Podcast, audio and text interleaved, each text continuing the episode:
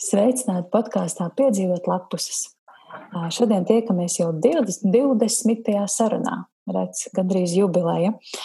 Un šodien, diena, dienā, kad šī saruna tiek ierakstīta, ir 11. septembris.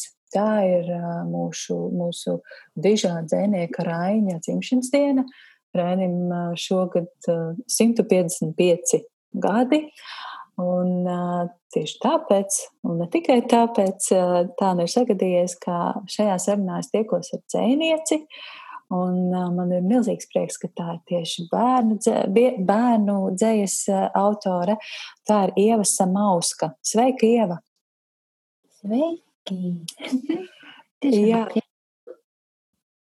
Sveika! Uh, jā, uh, Es meklējot informāciju par tevi internetā, uzzināju, ka tu esi bijusi arī žurnāliste, bet šķiet, ka nu, šobrīd gan tikai, ne tikai, bet uh, tu esi rakstniece. Pamat, tavs pamatdarbs ir rakstniece un tieši bērnu literatūras rakstniece. Jā, tā ir taisnība. Es mācījos kā žurnāliste, bet tā, tā sagadījās, tagad es jau kādus vairāk kā desmit gadus rakstu grāmatas un tieši bērniem. Mm. Apstiprinoši atbild no manas puses. Jā, un uh, es biju pārsteigta, atrodot uh, šo tavu darbu sarakstu. Tas ir tik garš. Es saskaitīju, šķiet, tur ir 22 uh, grāmatas. Tu māji ar galvu, ka nē, ir mazāk vai 20, vairāk? Nē, 27 šobrīd. 27. Jā. Wow, tas ir, tas ir tas ir daudz. Un, nu, labi, tad, tas, ko es atceru, pirmā grāmata tika izdota 2006. gadā, un tas bija, tā bija dzējas grāmata, kā uzbūrt sniegu, sniegu vai ziemu. Es tagad atkal. Sniegu. Bet tā vispār ir otrā grāmata mana. Tā. Pirmā grāmata ir vienīgā grāmata, kas ir arī pieaugušo auditorijai. Mm. Pirmā vienīgā tieši saucās starp diviem sirdspukstiem. Mm. Tā ir konkrēti māmiņām. To grāmatu es uzrakstīju, gaidot savu meitu, Kristu Betiju. Nu, kad viņa rakstīja, jau nezināju, ka viņa būs grāmatas, vienkārši pierakstīja savus izjūtas. Tā kā dienas grāmatas veidā. Bet tad notika tāds notikums arī, es, nevar, es jau gaidīju savu meitu, bet es tiek, es nevaru, kā jau atkāpjos no tā jautājuma, es, nu, Kad gaidīju savu meiteni, es piedzīvoju, piedzīvoju tādu astrologu pareģojumu, ka man būs iespējams spontānais aborts. Un saistībā ar šo pareģojumu es arī pierakstīju visu, kas notiek.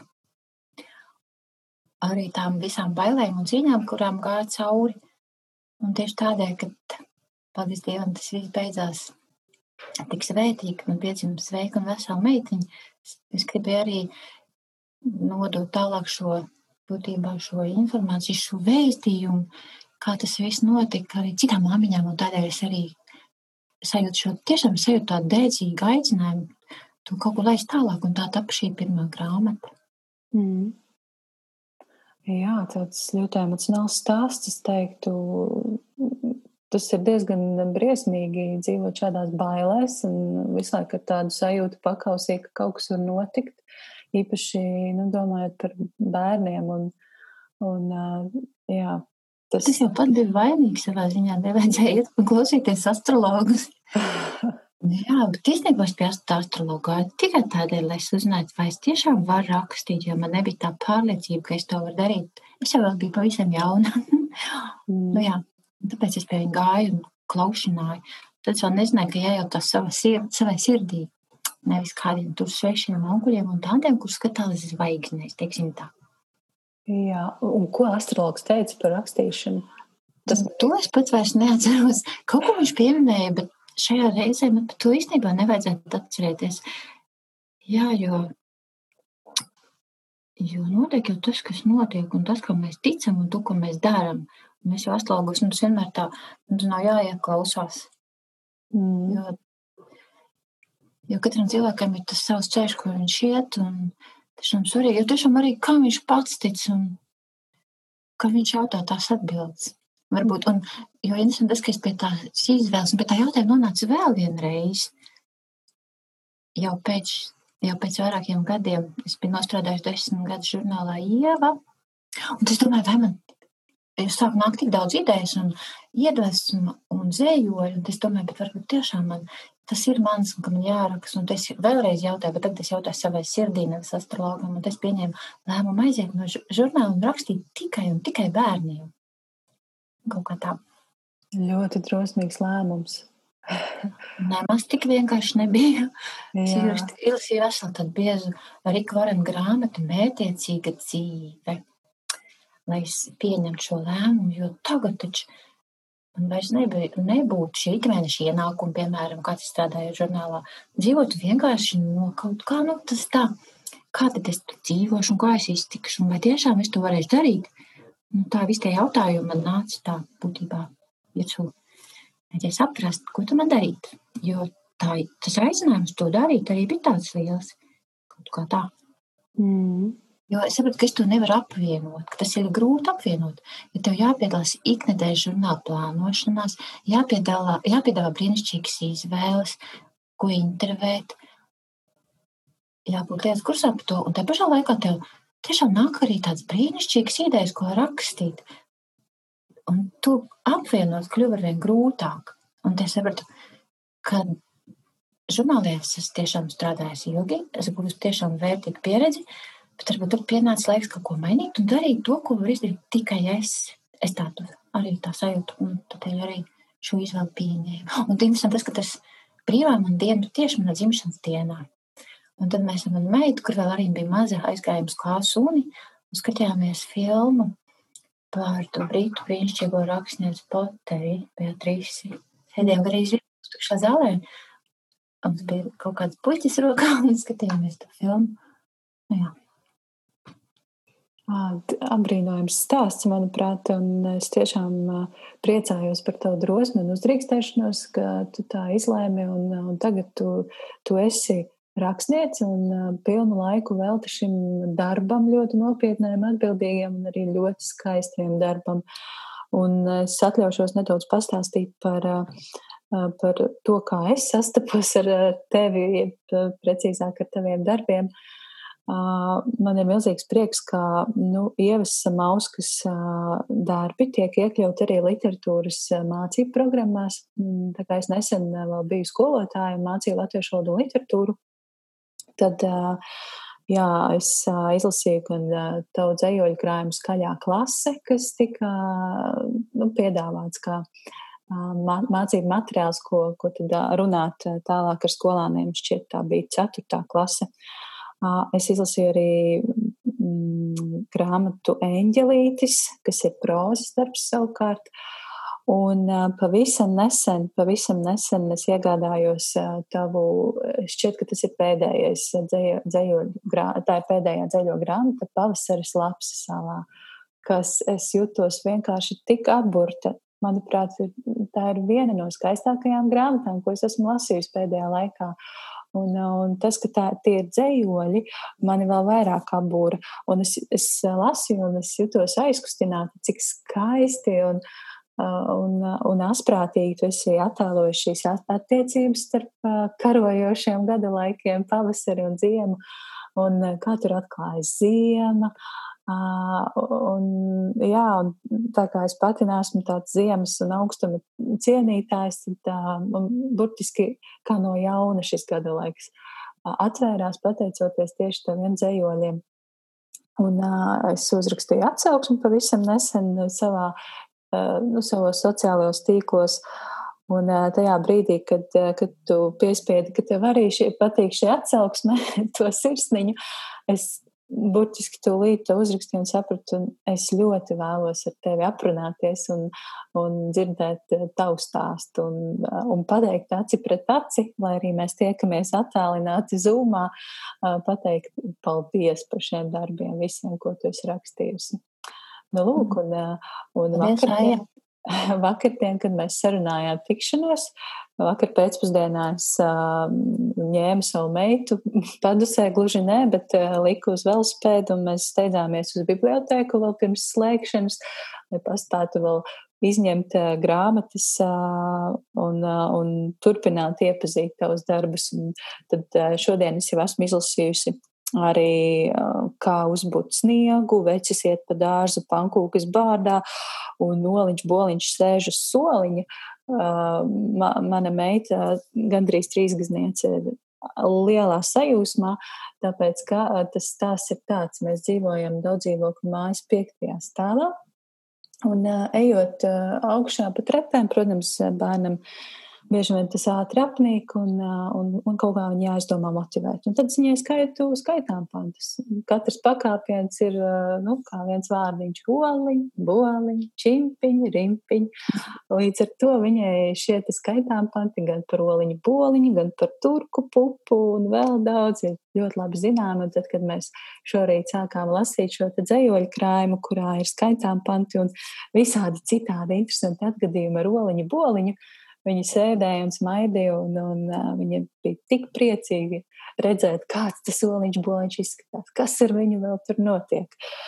Tāds, lūk, ir mans stāsts, uh, un, un, un uh, jā, paldies tev, Ieva, par, par, par ikvienu tavu darbu.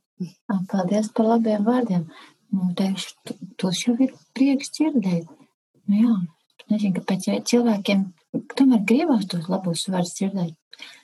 Nezinu, kāpēc tā tas ir noticis. tas jau arī varbūt tā ir atgriezeniskā saite kaut kāda. Jā.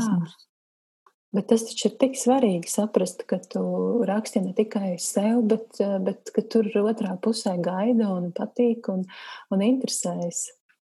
Nu jā, tā, tā ir gan. Es arī šorīt, šorīt biju ciemos pie vienā Ventspils skolas, skolas klasē, tikus ar bērniem un runāju ar viņiem Un, un, un interesanti, tas arī pirms tam tieši man tagad atnāks ar vienu ideju tādu, ko sākt jaunu darbu. Un tās idejas īstenībā ir tik daudz, un sākt jaunu darbu, tas vienmēr ir izaicinājums, jo tas nozīmē, ka kāds darbs, kas jau ir iesākts, viņš paliek pusceļā.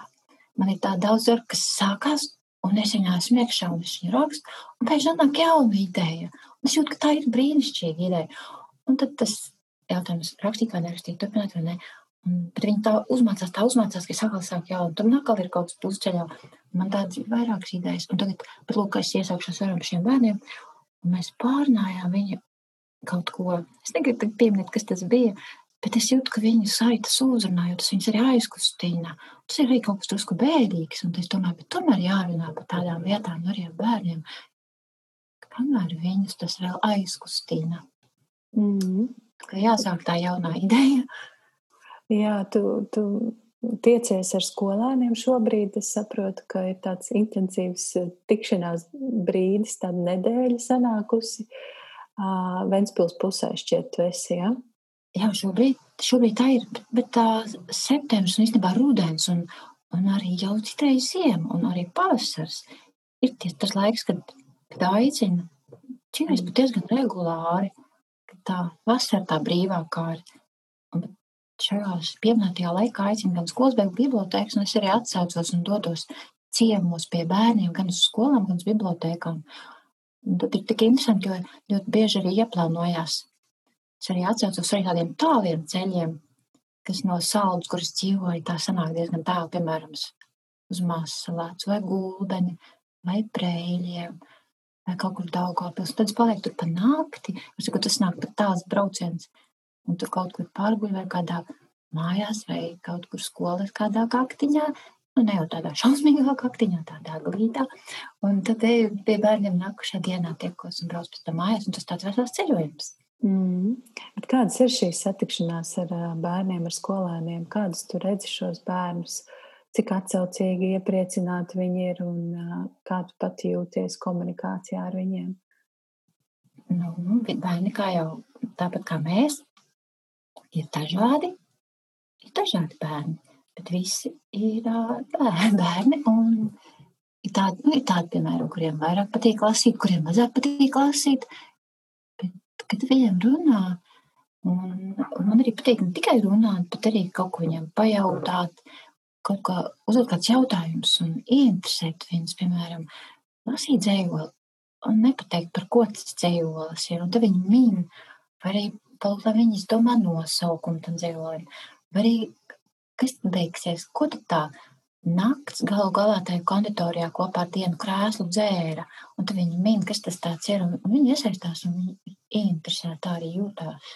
Sakot, šīs tikšanās ir apusēji uzrunājošas un apusēji vajadzīgas. Un, man tiešām patīk, ja mēs jūtamies pēc tam tādi priecīgi un gandrīti. Jā. Ne tikai viņa, bet arī es. Mm. Un kā piemēram, šodien, piemēram, viena meitene pienāca klāt un teica, tu redz, kā es varu. Viņa parādīja, un tā acis tā bulīja uz vienu pusi. Es nemaz tā nemācētu atkārtot, bet viņai tas bija tas, ko man gribēja pastāstīt. Es jutos ļoti augstnovērtēta vai kaut kā tā, nezinu, kas tas pareizais. Viņa manī saskatīja uzvedības personu, kurai to var pastāstīt un parādīt. Jā, pēc šīs sarunas bērni ir tik atklāti un jā, viņi tiešām var ļoti droši tai šeit personai, šim cilvēkam pieiet klāt, jo jūt, ka tur ir atsaucība pretī, viņi var, var tik droši pieiet un stāstīt un rādīt. Tā ir, jā. Bet tie jau varētu teikt, tie, tie ir jau tas vecums, ka, tad, kad to vēl var, un tad kaut kādā brīdī, ne, tas tā mainās. Mm -hmm. Un arī, kad arī tā, nu, cilvēks vairs, vairs viņš vairs nav tik atvērts, atklāts un varbūt arī varbūt tik ļoti negaida šo tikšanos. Varbūt arī vismaz viņa jau tā saliek rokas un, un tā klausās, nu, pastīsimies, pastīsimies, ko tu tur mums runās un stāstīs. Nu, tā. Bet tā, arī šīs sarunas ir interesants un tik brīnišķīgi skatīties, kā viņi mainās un kā tas viss izmainās. Mm. Tu tiecies arī par, ar pamatskolēniem vai varbūt vidusskolēniem? Tādiem Pārsvarā ar jā, pārnoskolāniem un sākumskolas, nu tā līdz devītai klasē. Mm. Tādiem bērniem. Un kā tu jūti, cik informēti viņi, cik zinoši ir viņi par, par tevi, par tavu, tavu daļradi, vai viņi ir kaut ko lasījuši iepriekš, vai skolotāji ir lasījusi priekšā? Nu, ir jau dažādi, bet uh, es jau negaidu, lai viņi būtu ļoti informēti. Es vienkārši pie viņiem eju, jo ir šis aicinājums. Un es kādreiz, jā, jā, tad tiešām es lasīju, man arī mājās tā ir, un tad ir tā priecīgi. Bet tas jā, nu, nav pašmērķis vienkārši.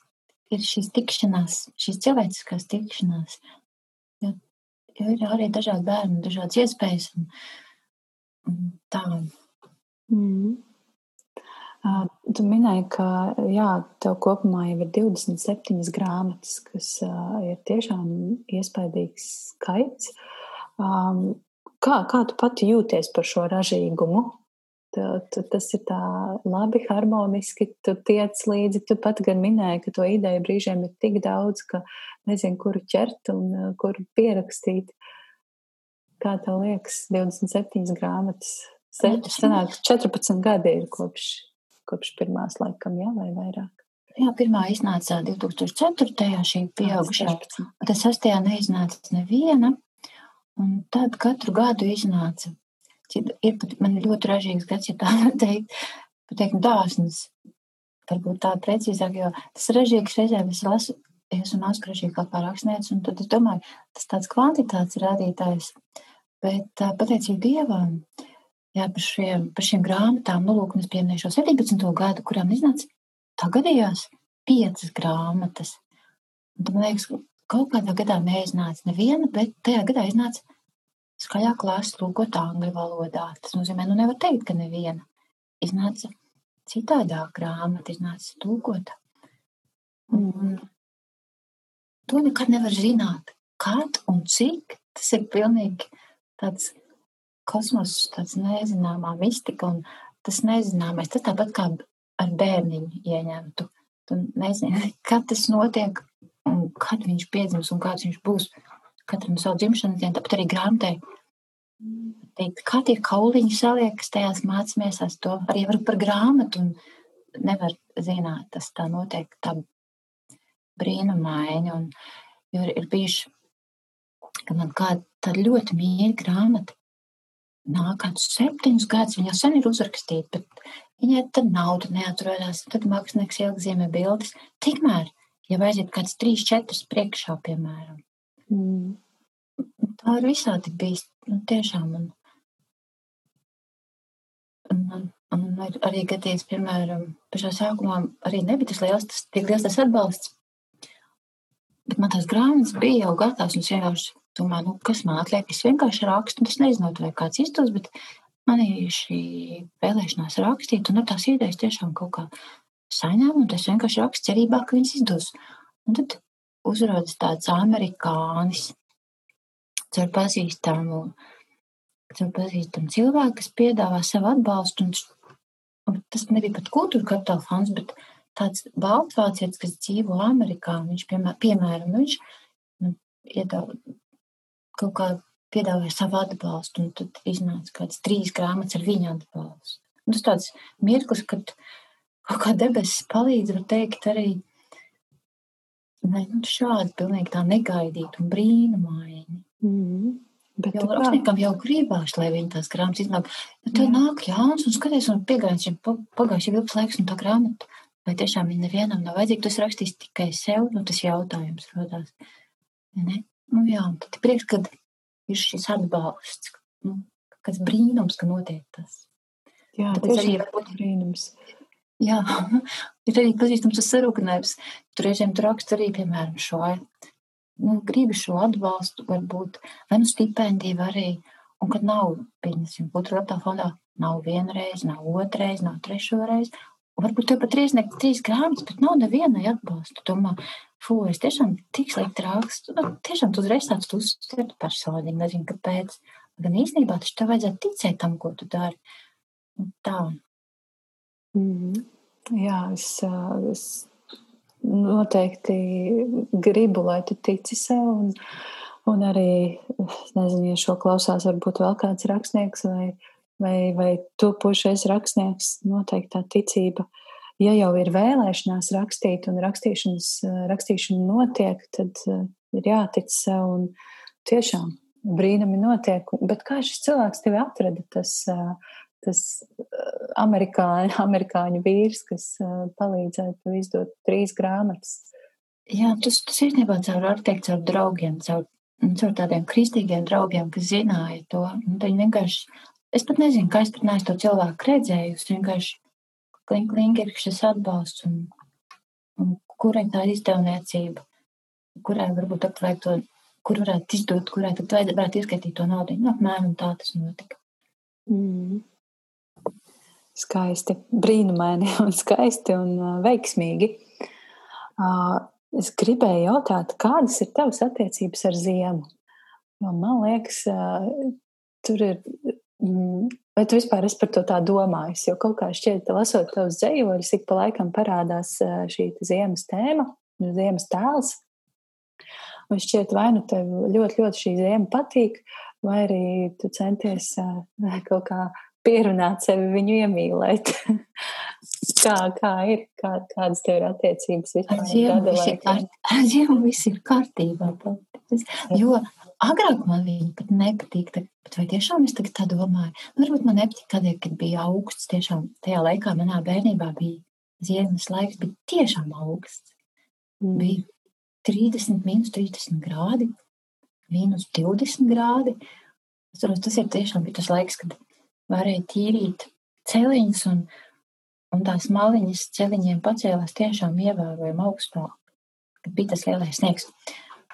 Un arī fiziskultūras stundās mums vajadzēja slēpot, bet tiešām tagad jau tas ir citādāk, jo vairs nav šī sniega, un mēs nācām pēc tam sasārdušiem, sasārtušiem vaigiem stundas sēdējām, ā, nācām šīm fiziskultūras drēbēm, šiem slēpošanas tērpiem visu dienu nostaigājām. Man liekas, tagad bērniem tādi vairs nav, jo nav jau vairs šīs ziemas. Mm. Lūk. Un tad man viņi iepatikās arvien vairāk un vairāk. Jā, man, man vienkārši nav nemīļa gada laika, bet mīļākais ir laikam pavasars, kurā esmu piedzimusi. Mm. Ziema man patīk. Jā, bet cik ļoti tev ietekmē laika apstākļi, gada laiks, cik, cik tas ietekmē tavu pašsajūtu un tavu radošo garu, tavu rakstīšanu, cik tas ietekmē ļoti? Nu, tas ietekmē Tā ka būtībā visi laika apstākļi ir labi. Varbūt zemestrīce varētu būt tāda, kas varētu tā ietekmēt būtiski. Jo, jo kādreiz ja man māma vai pazīstama cilvēks saka, ah, atkal tas lietus. atkal, vai atkal tas lietas. Jā, es arī vakar stāvēju veikalā, iznācu ārā un Ventspilī pie tā lielā veikala ritē un gaidu, nu jā, bišķi līst. Man viena sieviete saka, atkal tas lietas šausmas. Es viņai saku, vai cik jauki tas taču lietas, mums taču nav zemestrīces. Nu, lūk, vai ne? Bet tā rakstīšanā, rakstīšanā varbūt karstā laikā grūtāk rakstīt, un, un tā tad negribas, gribas tā kā kaķim višķiņ tā kaut kur nolīst, nolīst malā. Un tas neliekas, ka tas tas rakstīšanas laiks. Mm. Jā, jā, jo vairāk, jo, ma, jo mazāk saules bišķiņ, jo vieglāk rakstīt varbūt. Nu, man pat ne vieglāk, bet gribās vairāk rakstīt kaut ko tādu. Mm. Tā īpaši gribās. Bet šķiet, ka tādi ārēji apstākļi tevi pat īpaši neietekmē. Labi, šis karstums, tas, tas daudziem apgrūtina domāšanu un, un radošo garu un vispār darbošanos. Bet uh, man prieks, ka tā var arī būt rakstniece neatkarīgi no, no rudens drēgnuma un lapkrišiem un vai tur ziemas augstuma. Kas notiek tavā, tavā pasaulē šobrīd? Pastāsti, kas tev ir aktuāls, kas tev satrauc, par ko tu domā? Manā pasaulē. nu, ko es varētu pie, teikt pie šī visa? Tas ir jautājums par, par politisko situāciju. Tas var būt. nu, kas ir tas, par ko tu domā, kad tu pamosties no rīta, par ko tu domā, ka tu vajag gulēt? Kas no, man interesē, kas notiek dzēnieku pasaulē un galvā un prātos? Viņam, droši vien viņam arī ir kaut kāds darba plāns. Nu, kaut kāds, kā lai to dienu, kā lai to dienu nodzīvot tādā labā veidā. Nu, tā, lai pēc tam ir gandrījums un prieks, lai nav tāda Te tāds vārds kā dīkstāvi kaut kur pazibēja.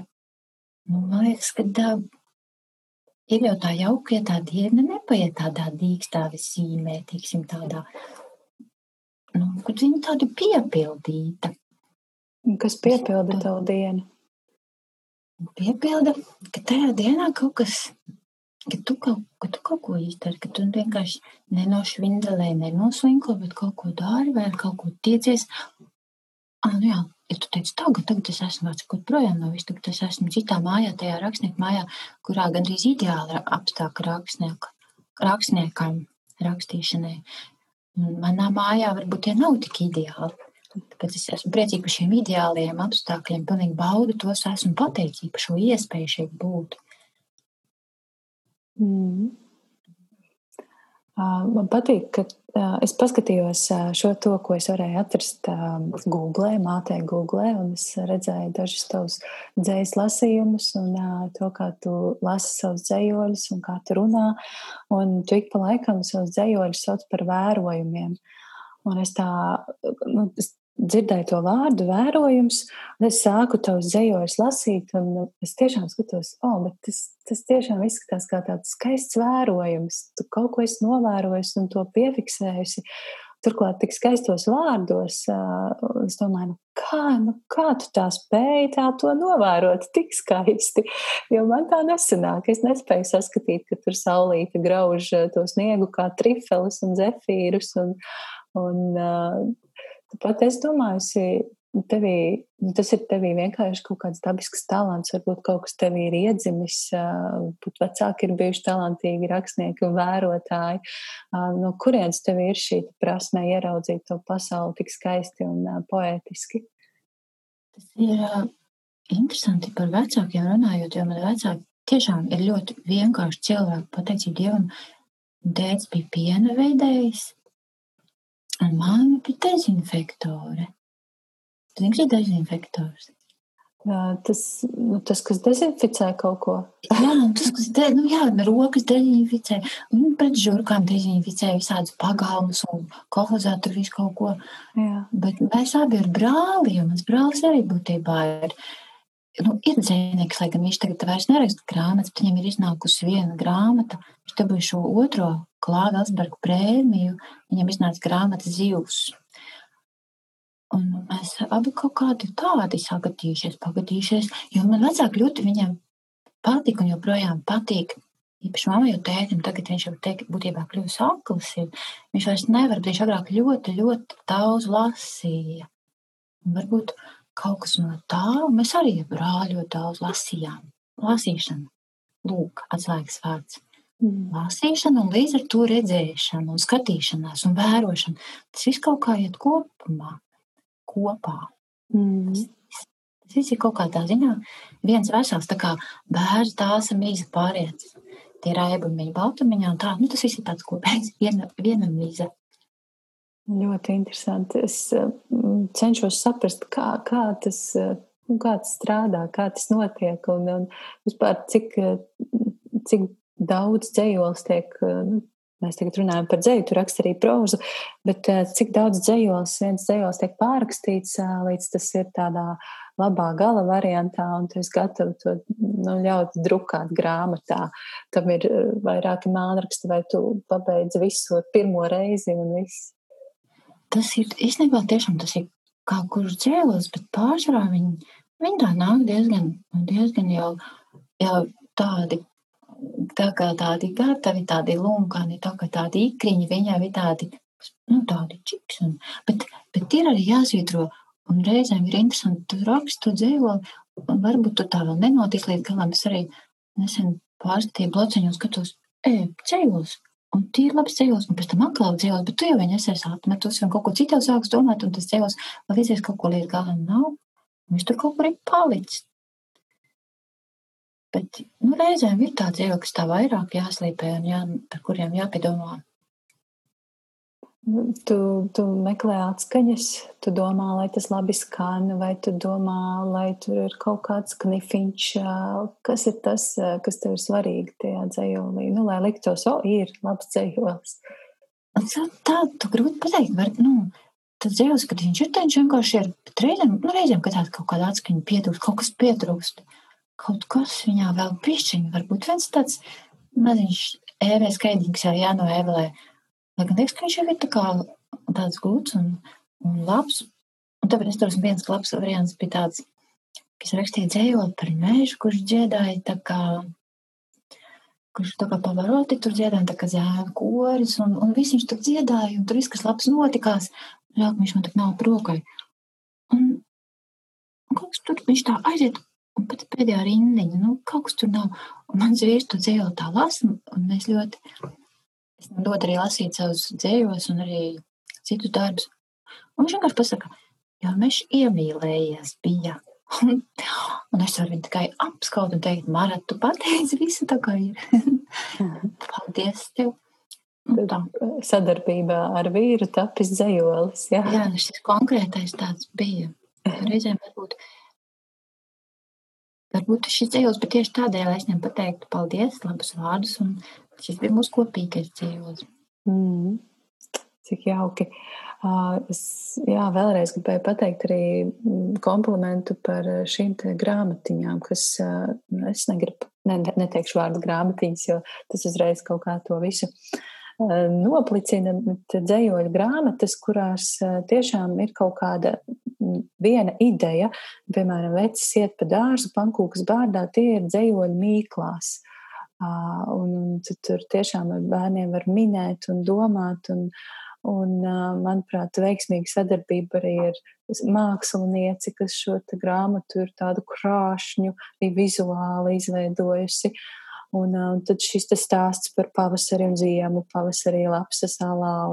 Tur tiešām vesela ideja, ko tu esi attīstījusi. Un, un tad šie skaitām panti, oliņš, boliņš, sēžas soliņa. Man ļoti patīk. Es vēl neesmu tikusi līdz eh, dzējoļu grāmatai, visas visādas vēlēšanās. Es jau domāju, kas tur būs izdomāts, kāda tur ir tā galvenā ideja. Es uh, paralēli šķirstu grāmatas un skatos šobrīd tādu. Jā, tas ir tiešām, var teikt, arī nu, paldies Dievam, ka es pat gādāšu, nu, jo to iepriekš tā nevar paredzēt, ka tev atnāk šī ideja rakstīt. Piemēram, tā vēlēšanā, ko tu pieminēji, arī atnāk vienkārši ideja uzrakstīt par vēlēšanām, jo tās vēlēšanas ir tik daudz, un es nezinu, kāds bija tieši. Un viss krājums ir veltīts, piemēram, bērnu vēlēšanām, kādas tās ir, un katra vēlēšanās nosauc savu vārdā. Nu jā, vai arī, piemēram, par pavasari. Jo, kad, tev, kad atnāk tas pirmais dzējos, viņi, viņi sāk nākt arī otrais un trešais un viss par to vienu tēmu. Būtībā tā tāda, savā ziņā, tā tāda mono izrāda mums ar, ar ievadu un beig, beigās, kad tas priekškars aizverās. Tā tiešām ir, jā.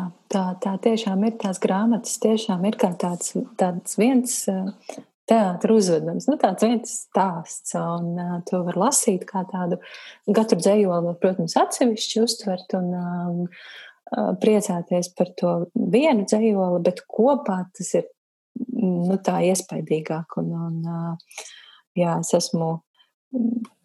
Es esmu sajūsmā kopumā par, par to, kā tu, kā tu raksti un kā tu dari. Um, Es paskatījos, šķiet, tas bija 2014. 14. gads, kad šis te oliņš, boliņš, sēžu soliņš tika nominēts Laligabai kā, kā labākais bēr, kā darbs bērniem. Un tad tev tur bija intervija Satori, un tev jautāja, kāpēc, šķiet, kāpēc tu raksti bērniem. Tāds bija jautājums. Un man patika, kā, kā tu atbildēji, ka nu, tas jau nav obligāti, ka, nu, kad zem tā dzējoļu krājuma var rakstīt arī dzējoļu pieaugušiem. Tu neesi ielikusi sevi tādā ļoti konkrētā kastē, ka tu, tu tagad dzīvo un raksti tikai bērniem. Es tev tā sapratu, un man patika šī atbilde, jo nu, tu vienkārši raksti, nedomājot, man liekas, nu, neno, nedomājot, ka man tagad jāraksta bērniem un tikai bērniem. Tevī vienkārši ir šī te, uh, lieta un ideja, un tu raksti. Un tad, kāds tas rezultāts sanāk, tāds nu sanāk. Un, un tad mēs pārējie esam izdomājuši, ka tas varētu būt bērniem, bet tikpat labi tas ļoti labi dara arī pieaugušajiem. Jā, es pat protams, neatceros, ko es tur teiktu. Labprāt, paklausītos vēlreiz. bet, um, bet, jā, ka tas raksts, tas raksts, bet kaut kā sanāks vairāk bērniem. Bet, jā, tad arī, piemēram, interesanti, es tieši šobrīd arī šeit rakstnieku mājā rakstu, piemēram, par, jū, par Jūri Alunānu. Tas ir jaunatvies, kas izdeva, var teikt, pirmos dzīvoļus latviešu valodā viņš iztulkoja arī citu, dzēniekus, un būtībā tikai viens bija oriģināls dzējos, vispārējie bija tulkot, un tiešām arī tādi ļoti episki un tādi slāveni dzējnieki. Un tagad izstāstīt par šo vīru, kas nodzīvoja tikai 31 gadu, par viņa devumu, un es viņu mēģinu pastāstīt dzējoļu veidā. Man būtībā ir saucās poēma par jūrīti ar lukturīti.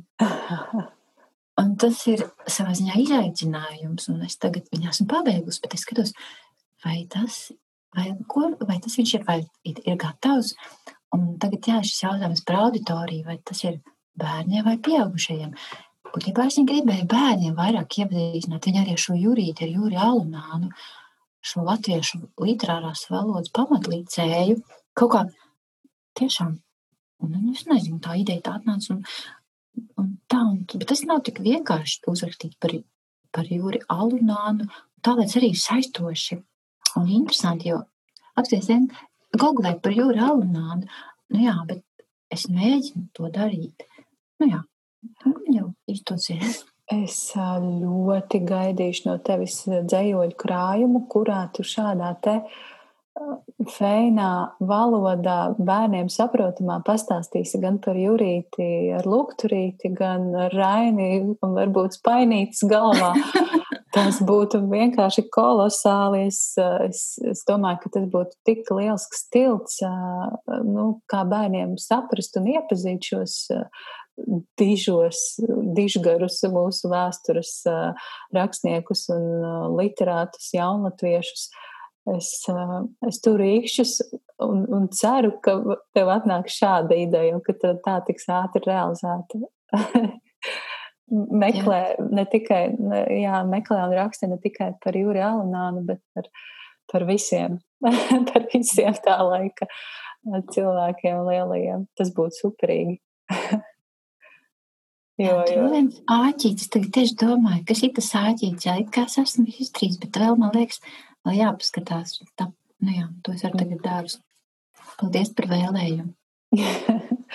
es, jā, es, es jau sāku gaidīt jau visu nākamo grāmatu un aiznākamo, un cerams arī uh, krājumu par uh, jā, jaunlatviešiem. kādu, kādu tu vispār iedomājies savu lasītāju? Vai rakstot, tu redzi to cilvēku, vai bērnu, vai, vai vecāku, vai ģimeni, kas pēc tam lasīs tavas grāmatas? Kā, kādu tu to redzi? Kādu vēlētos, lai tas, lai tas cilvēks ir? Mm, tā jau Es ar viņiem, ar, rakstnie, ar lasītājiem tiekus, un es redzu, kādi viņi ir. Viņi ir nu, tādi lasoši, var teikt, nevienaldzīgi ieinteresēti.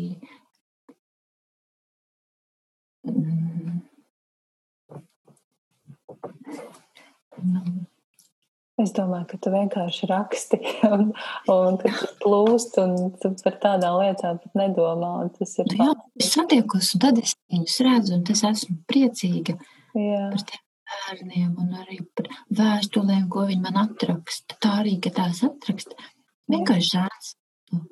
Un viņš mums pēc tikāmies skolā, viņš atraksta vēstuli, bet viņš ir pārcēlies uz citu pilsētu, viņš arī atraksta vēstuli, un es viņam aizsūtu, viņš grib man grāmatiņu vienu, bet man viņa viena pati palikusi. Un es viņam rakstu, viņš aiziet bibliotēku, un tad to grāmatiņu apskatās. Nu jā. Mm. Un kas tev pašai patīk rakstnieka dzīvē vispār? Kā tu jūties kā rakstniece? Ir pagājis diezgan krietnes laiks, kopš tā aizgāja no šīs žurnālistikas jomas, žurnālistikas jomas. Un, un, nu, tu, tu spēr šo sarežģīto, grūto soli, pieņēmi lēmumu būt rakstnieks un nu, jau vairākus gadus. Un kā tu tagad jūties? Nu, jā, es jūtos. Jā, varbūt es joprojām mācos būt par rakstnieci. Un, un, uh, un pieņemt to un apzināties, ja es esmu rakstnieks.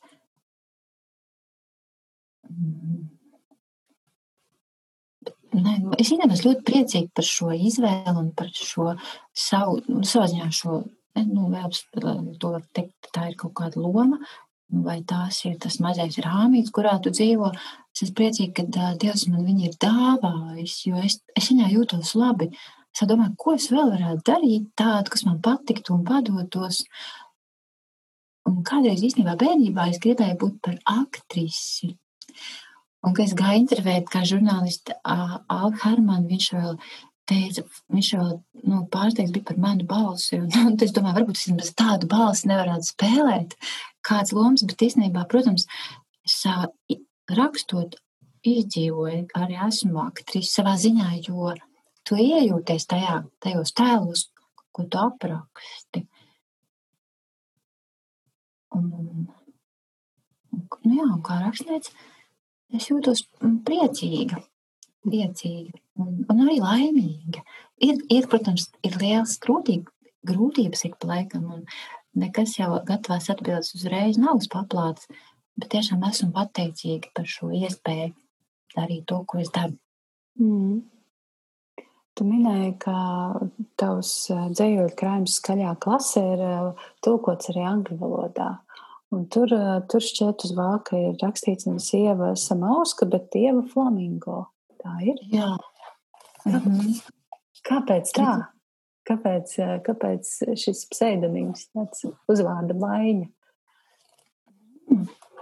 Es nezinu, tas bija tāda mirkļa, tāda sajūta, ka varbūt kad um, es tā cerēju, ka man šī nebūs pirmā grāmata. Un, un, un, kad, un, un varbūt un, un, un flamingo vārds, viņš jau nav tāds, ko es tā ātri, tas nav mans mīļākais putns, bet var teikt, tā ir iesauka, ko es ieguvu jau krietni sen atpakaļ. Es tūlīt pēc vidusskolas kādu mazu laiciņu strādāju savā dzimtajā avīzē, jo tajā brīdī es vēl studēju neklātienē žurnālistiku, vēl nebiju pārgājis uz klātienu, jo tajā gadā uzņēmu tikai neklātienē. Un tas strādāja savā dzimtajā avīzē.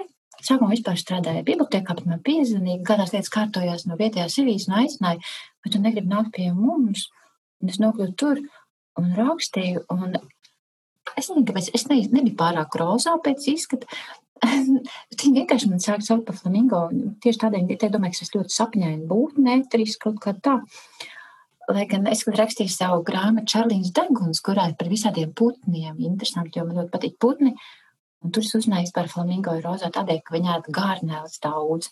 Tad tas eh, ferments, kāds tur konkrētais piešķir viņam to rozo krāsu, lūk. Un tad man no šī vārda flamingo tika izveidot e-pasta adrese, un tagad vajadzēja izvēlēties šo pseidonīmu. Es, es nolēmu, man būs pseidonīms angļu izdevumiem, tad es izvēlējos šo flamingo. Nu, cik sarežģīts skaidrojums, vai ne? Trusciņi tāds, bet īstenībā ļoti vienkārši. Vienkārši, sarežģīts, bet vienkārši. Jā, tas ir putns, kurā esmu kādreiz saukt, un kura ir šī epistadēs, un, un arī putni man ļoti patīk. Mm. Un, kas, kas vispār notiek tavu darbu tulkošanas jomā, ceļā? Ir vēl kaut kas tiek plānots iztulkot, vai varbūt jau ir iztulkots? Un, ir iztulkots vēl tāda, tāda grāmata meitene, kur zināja visas pasaules valodas, ļoti glītā, ļoti skaistā, ar ļoti skaistām gitas trētas ilustrācijām. Un tad šī grāmata arī ir iztulkota arī iztulkot pateicoties tiešām arī um, tūkotājai Žanetei. Pēkšņi un um, Žantē Vēverei Paskolīnī. Un pateicoties arī izdevniecībai Emma Anglijā, Bet tas ir, nu jā, šobrīd šī ir divas grāmatas. Mm. Tas ir tāds mētiecīgs darbs vai tas ir, jā. likteņa, likteņa sagadīšanās? Kāds? Var teikt, man jau liekas, ka tas ir varbūt labējādi, jo tas ir, tas ir izdevums, tas ir platformas Latvijas literatūra, tās devums, tās mm. ietvaros. Tā. Jo, nu, tiek izdots īstenībā tās grāmatas, es tā esmu sapratusi, kas ir ieguvuši kaut kādus, kas ir guvuši kaut kādus panākumus. Protams, arī tā pārsvarā vismaz sākumā tā bija, kas ir kaut kur nominētas. Manijas grāmatas pat īsti nebija nominētas, viņas bija nominētas vairāk, šī grāmata bija kā ar, šie, ar savām ilustrācijām, skaļā klase. Bet, bet arī dzējoņi arī nebija pārāk slikti. Atļaušos piebilst, un, un tā viņa arī guva šo iespēju tikt izdota. Mm. Jā, es pilnībā piekrītu, ka darbi ir skaļā klase. Man arī ļoti, ļoti patika. Un, uh, tur es uh, saskatīju gan pašas pieredzētas lietas, sajustas un piedzīvotas skolā. Un, jā, es domāju, ka arī skolēni nu, prastu asociēt sevi un saskatīt šajos, šajos dzējoļos. Vienīgi, jā, tas, tas, ko es domāju, ka nav nemaz tik viegli nu, to, to, to darbu kaut kā aiznest līdz citiem ārpus Latvijas lasošiem cilvēkiem, un turklāt angļu valodā. Man, man prieks, man ir tiešām prieks, ka arī tavi darbi ir iztulkoti un ka tos lasa ārpus Latvijas. Tu pieminēji savu, savu vienu grāmatu, Čarlīnas Deguns, un es gribēju, jā, mazliet aprunāties arī par prózu. Ko tu raksti? Es, diemžēl, esmu izlasījusi tikai divas tavas grāmatas, prózas grāmatas, jau pieminēto eņģelīti un arī pikucīšu piedzīvojumus. Tie ļoti patīk manai meitai, un viņa kaut, kā, kaut kur kaut kad atrada mājās. Es nezinu, vai tie bija kaut kāda putekļa, ko viņa bija atradusi, vai tiešām kaut kas tāds interesants, ko viņa pacēla un prasa, kas tas? Es saku, ah, tas taču pikusītis. Un viņa bija tik sajūsmināta. Ah, tas ir pikucītis no grāmatas. Jā, viņai ļoti patīk. Bet uh, pastāstīja vēl par prozas darbiem. Tu pieminēji Čarlīnas deguns ir par putniem. Man stāv uz galda un es uh, drīz ķeršos klāt. Tad man vēl ir šokolādes glābšana. Tāda grāmata. Tā kā es pat esmu šokolādes uh, atkarīgā, pastāsti vai, vai es tur sagaidīšu kaut ko šokolādīgu.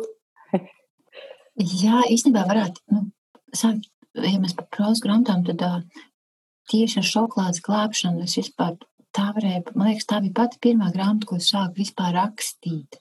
Nu, es kā pieminēju to savu dienas grāmatu, bet es paralēli jau rakstīju šo grāmatu tieši bērniem. Paši, paši pirmo, kad es vēl, man liekas, ka es vēl nemācījos, vai es, ne, labi, es tur studēju tajā žurnālistikā, jā, nu tā es varu sakot mācījos.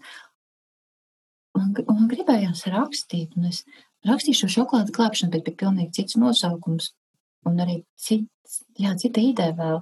Un tad, kad viņa bija uzrakstīta, pagāja kāds laiks, pat kādi gadi, un tad bija tieši tas arī tas pārmaiņu laiks, 90. gadi, viņi vienkārši stāvēja manās mājās, nekas arī nenotika, un, un, un tad jau kaut kāda tāda personiska pieredze man bija, kad es, jo es te pieminēju, kad es šos, kad man bija šis pārģēmas par to astrologu un par šo bērniņu zaudēšanu, un es arī, var teikt, es tiešām arī divus bērniņus zaudēju, Un, un pateicoties šai pieredzēji, es īstenībā arī sāku rakstīt, jo es saprotu, kādēļ es nenesu augļus kā, kā sieviete. Jo es arī tās dāvanas, ko Dievs man devis, es arī nelietoju tos augļus, tos radošos augļus. Es nelietoju, viņi man stāv mājās skapītī. Es, es neticu sev vispār, es nerakstu, es tikai strādāju žurnālistikā. Pateicoties šai grūtajai pieredzei, šai sāpīgajai, sāku rakstīt tieši sāku rakstīt ar vien vairāk. un, un arī sāku nest uz izdevniecībām tos darbus. Un tad es arī šo šokolādes glābšanu pabeidzu. Tad es iedevu jaunu ideju šai grāmatai, jo tur darbība notiek būtībā paralēli. Nevis, nu, būtībā tas ir apgā, ap, apgriezts vārds Latvijai, notiek Vatlijā. Un ir šie simts cilvēki, un šis prezidents dod manis. Un, un, šie, un šie salduma aizliegums, pateicoties šo simts cilvēku garšas kārpiņu sajaukumu sindromam, jo viņi var ēst tikai saldu. Un tad viņi uzurpē visu šo saldumu. Šo saldumu industriju viņi būtībā paņem uz savus pārnu un vienkārši šie cilvēki neko vairs nevar dabūt. Un tad tur tās intrigas visas, un šis mazais namiņš tur jāsmīna ielā, un šī mazā meitenīte, un viņai pēkšņi uzrodās šokolādes roķis, kurš sāk nest viņai īstu garšīgu šokolādi. Un, nu, tad dažādi piedzīvojumi un tā tālāk, un, un dažādi visādi vēroņi, un beig, beigās šis aptrisinājums arī šai pašā saimā, vai mm. šajā saimnes namā. Un tā bija mana pirmā grāmata, ko es uzrakstīju, un kas iznāca jau vēlāk, arī jau man bija cits grāmatas iznākuši, bet šī bija tā pirmā, ko es rakstīju. Mm. Un uh, tad man vēl uz galda ir govs uz bagāžnieka ar uh, Bet tā, vai tā ir Elīna Brasliņa? Jā, tā ir Elīna. Brīnišķīgās, skaistās ilustrācijas. Jā, jā. Pastāstīja par govi uz, uz, govs, govi uz bagāžnieku. Kas, kas tur ir interesants? Tas, Varbūt kāds interesants. Interesants stāsts ar to, kad, kad ideja atnāk rakstniekam pilnīgi negaidīt. Tu izbrauc, izēj no mājas, labi šajā gadījumā izbrauc, dodies uz savu tuvo trūvu, ar vīru baudīt saldējumu, doties tur tāda kafejnīciņā, ar kurā var nopirkt, un mēs braucam, braucam, aizbrauksim paēst, braucam, un nevar pabraukt kādā tiešām kalnā, mēs tur apkārt ceļiem kaut kādiem braucām, jo stāvs tas kalns ir, un es tā pūlos un sāku marat tam savam vīram, laikam govs uzsēdusies uz pagāžnieku, jo tās govis tur tālāk ganījās. Un Šis teikums vienkārši tā izprūk no mutes, un tas izbrauc no mājas, nedomājot par govīm, nedomājot par šo grāmatu. Vispār tev nav nekādas idejas. Bet šis viens teikums, tāds tiltiņš, un, un tu aizbrauc mājā un sāc rakstīt stāstu no šī viena teikuma. Mm. Tas, ir, tas ir tā bērns stāsts, tas viss tur ir iekšā kaut kas, es nezinu, kas, kaut kas tāds, no kura var dabūt ārā šādu stāstu. Jā, tas ir līdzīgi arī kā Čārlīns degunu, piemēram. Jo tur arī tas stāsts, vienkārši tas viens vērojums, es sēžu savā mājā pie pagraba, skatos augšā uz uh, antenu, tur vēl bija, un pavasars un zieds trasts. Un es skatos uz to strāzdu, priecājos par viņu. Es esmu, man liekas, tikko biju pabeigusi eņģelī, nu, kaut ko tādu, kaut ko labi, kaut kas labs bija noticis, viņš bija iznācis. Un es to strāzdu tā vienkārši iztēlojos, tā ar vien tuvāk, kā pievelk, iztēlējos, ka domāju, cik viņš maziņš, maziņš, tik skaists. Un pēkšņi es iedomājos, ka viņš man būtu tāds strasts pie deguna. Un ka man pēkšņi deguna vietā būtu strasts, kā tas būtu. es domāju, cik interesanti ideja. Un es domāju, un kā būtu, ja visiem cilvēkiem būtu tādi putni? Un no tā rodas šīs stāsts, no šīs būtībā ērmotās idejas par to, ka cilvēkiem deguna vietā var būt putni, dažādi dzīvi.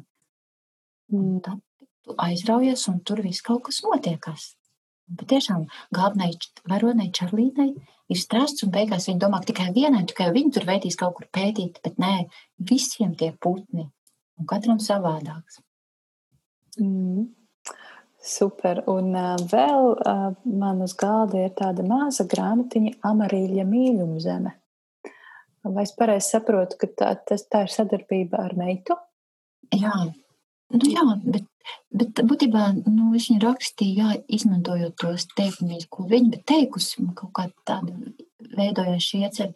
Un pēc tam arī vairāk nu, piemeklējot to, ko viņa bija zīmējuši, un vēlāk viņa arī zīmē. Tad viņai bija vēl kādi 5, 6 gadi, kad viņa zīmējuši šīs ilustrācijas. Mm. Ļoti sir, sirsnīga grāmata izskatās. Es tiešām nevaru sagaidīt, kad es varēšu ķerties. Droši vien mēs beigsim šo sarunu, un es uzreiz kaut ko sākšu lasīt. Bet es nezinu, ko, jo man viss liekas interesanti. Gribas visu ātri izlasīt no tevis. Bet ko tu pati lasi?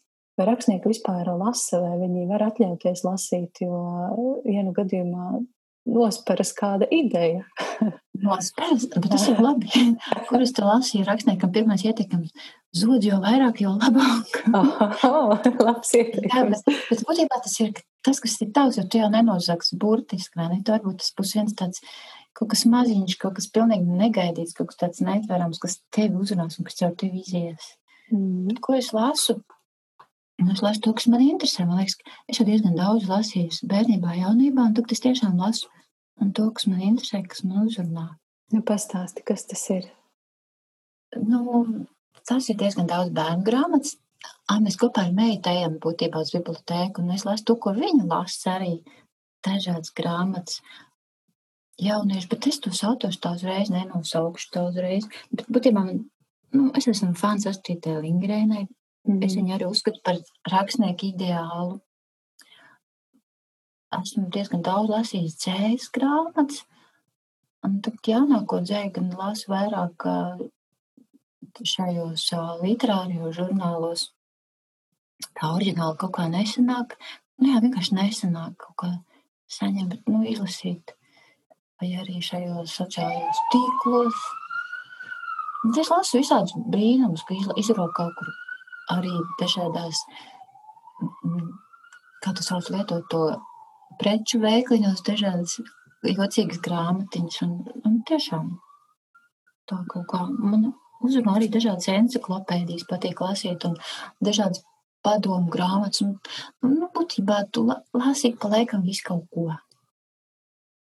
Mm. Tas tā kā aiziet pagrabu un paņem kādu garšīgu zaptīti, un tad iet un atkal pastāst kādu garšīgu zaptīti. Tā, un, un arī kā, nu, dažādas aptīķi pagraba. cik, cik labi salīdzināmas grāmatas ar zaptītēm. Un, un jā, tas tāds uh, dzīves baudīšanas mirklis grāmata tev ir laikam, jā? Nu, jā, tā. Tāpat jau, nu, kādreiz jau arī gadās tā. Nu, jā, nu, jā. Dažreiz gadās arī rūktāka zaptīte, tas skaidrs. Jā, bez cukura. Jā. Kā tu, kā tu vai, vai tu komunicē ar citiem saviem kolēģiem, bērnu rakstniekiem? Vai jūs tiekaties, pārunājat idejas, varbūt diez vai idejas pārunājat, bet jā, kādas ir šie, šīs attiecības, vai vienkārši tu zini, ka citi ir un, un tev ir savs lauciņš un tā nu, varētu teikt, jā, man ir savs lauciņš, bet ir šie cilvēciskie kontakti dažādā veidā iegūti un kas tiek uzturēti. Mm. Un tā. Jā, bet es satiekos, jā, es labprāt arī apskauju Inesi, Evija Gulbi, arī Māris Unkls sarokojos ar Juris Virkstiņu. Mm. Gan jau vēl kāds šajā brīdī Nē, nenāk. Bet, nē, nu, bet šie konkrēti šie cilvēki pirmie nāk prātā. Mm. Brīnīgi. Jā, viens otram kaut ko uzrakstam pa laikam. Jā, pieliekam kādu laiku. Jā. Es saprotu, Inesai kādu padomu pajautāju. Un tagad es arī domāju, kam lai pajautā par to jūrītā lukturītu padomu. Domāju, labprāt noderētu, varbūt. Bet varbūt es vēl padomāšu. Man sāk rasties viena ideja par epiņu. Tā varbūt kaut ko varēs. Tāds ir interesanti. Paldies, Ieva, ka tu ļāvi ielūkoties savā pasaulē un, un aprunājies ar mani šodien, atbildējis visiem maniem jocīgiem jautājumiem. un es centos izdibināt, kas tad notiek dzēnieka prātā un galvā un kā top dzējolis. Visu kaut ko tev iztaujāju, bet tā, tā galvenā manā vēlēšanās jā, bija tevi redzēt, dzirdēt, mazliet, mazliet iepazīt un, un pateikt paldies jā, par to, ko tu dari. Paldies, Aija, par jautājumiem. Nu, kādu mazu apziņu podiņu mēs kopā izēdām. Ceru kaut ko arī, kas bija nu, garšīgs, gan arī, varbūt nebija pats salds, bet nu, bija tāds, kas varētu būt par ievārījumu. Apelsīnu rūgteiz, vai arī kabač, kabača ar ingveru varētu būt. Jā, paldies, Ieva, par sarunu, un paldies arī klausītājiem par klausīšanos un uz tikšanos citās sarunās.